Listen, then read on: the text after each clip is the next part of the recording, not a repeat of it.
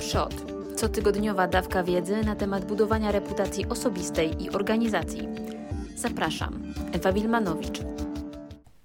W większości przypadków lepiej dziękować zamiast przepraszać, ale kiedy już ewidentnie wina jest po Twojej stronie, dziś opowiem Ci o ośmiu radach, jak przepraszać, by przeprosić.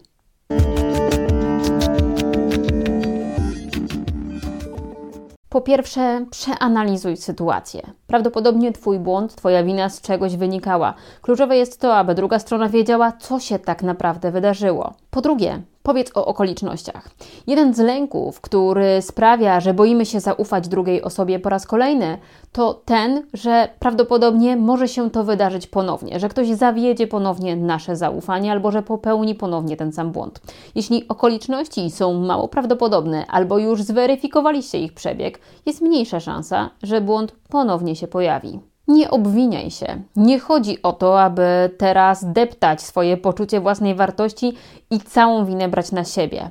Mów o konkretnych działaniach, o tym, co przeoczyliście, czego nie dopilnowaliście, na co nie zwróciliście uwagi, albo co Was zaskoczyło, zamiast obwiniać się, że jesteście beznadziejni, zrobiliście to bez sensu, albo zupełnie nie tak miało to wyjść. Po czwarte, wykaż zrozumienie dla cudzych emocji. Bardzo często w momencie, kiedy zostaliśmy zawiedzeni, chcemy czuć się zrozumiani. Dlatego wykaż zrozumienie dlatego, że ktoś może się irytować, denerwować, że w tym momencie mm, jest może nie do końca wybredny w słowach i że ma prawo czuć się zawiedziony. Po prostu okaż zrozumienie i wykaż się empatią. Jednocześnie nie obwiniaj innych. Nie chodzi o to, aby zwalać winę na współpracowników, na kontrahentów, na okoliczności, bo w ten sposób pozbawiasz siebie mocy sprawczej i odpowiedzialności za całą tę sytuację, a jednocześnie to istnieje małe prawdopodobieństwo, że w kolejnej sytuacji będziesz w stanie nad nią zapanować. Dlatego nie ma sensu obwiniać sytuacją innych. Po siódme, Przedstaw plan naprawczy na przyszłość. Określ, co zrobicie, aby w przyszłości ten sam błąd już się nie pojawił. Powiedz, co możesz zrobić, aby w przyszłości już nie zapomnieć, aby nie uciekło ci to z głowy i aby po prostu nie popełnić tego samego błędu. Wreszcie bądź gotowy, bądź gotowa ponieść ewentualne konsekwencje związane z Twoim błędem.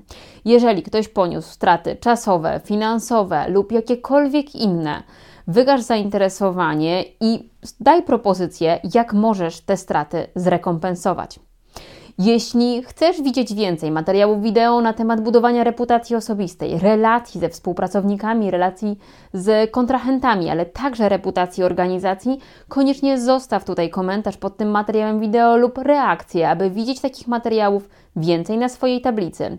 Do zobaczenia w kolejnym materiale w czwartek o 7.45. Szukasz więcej porad na temat budowania reputacji osobistej i organizacji?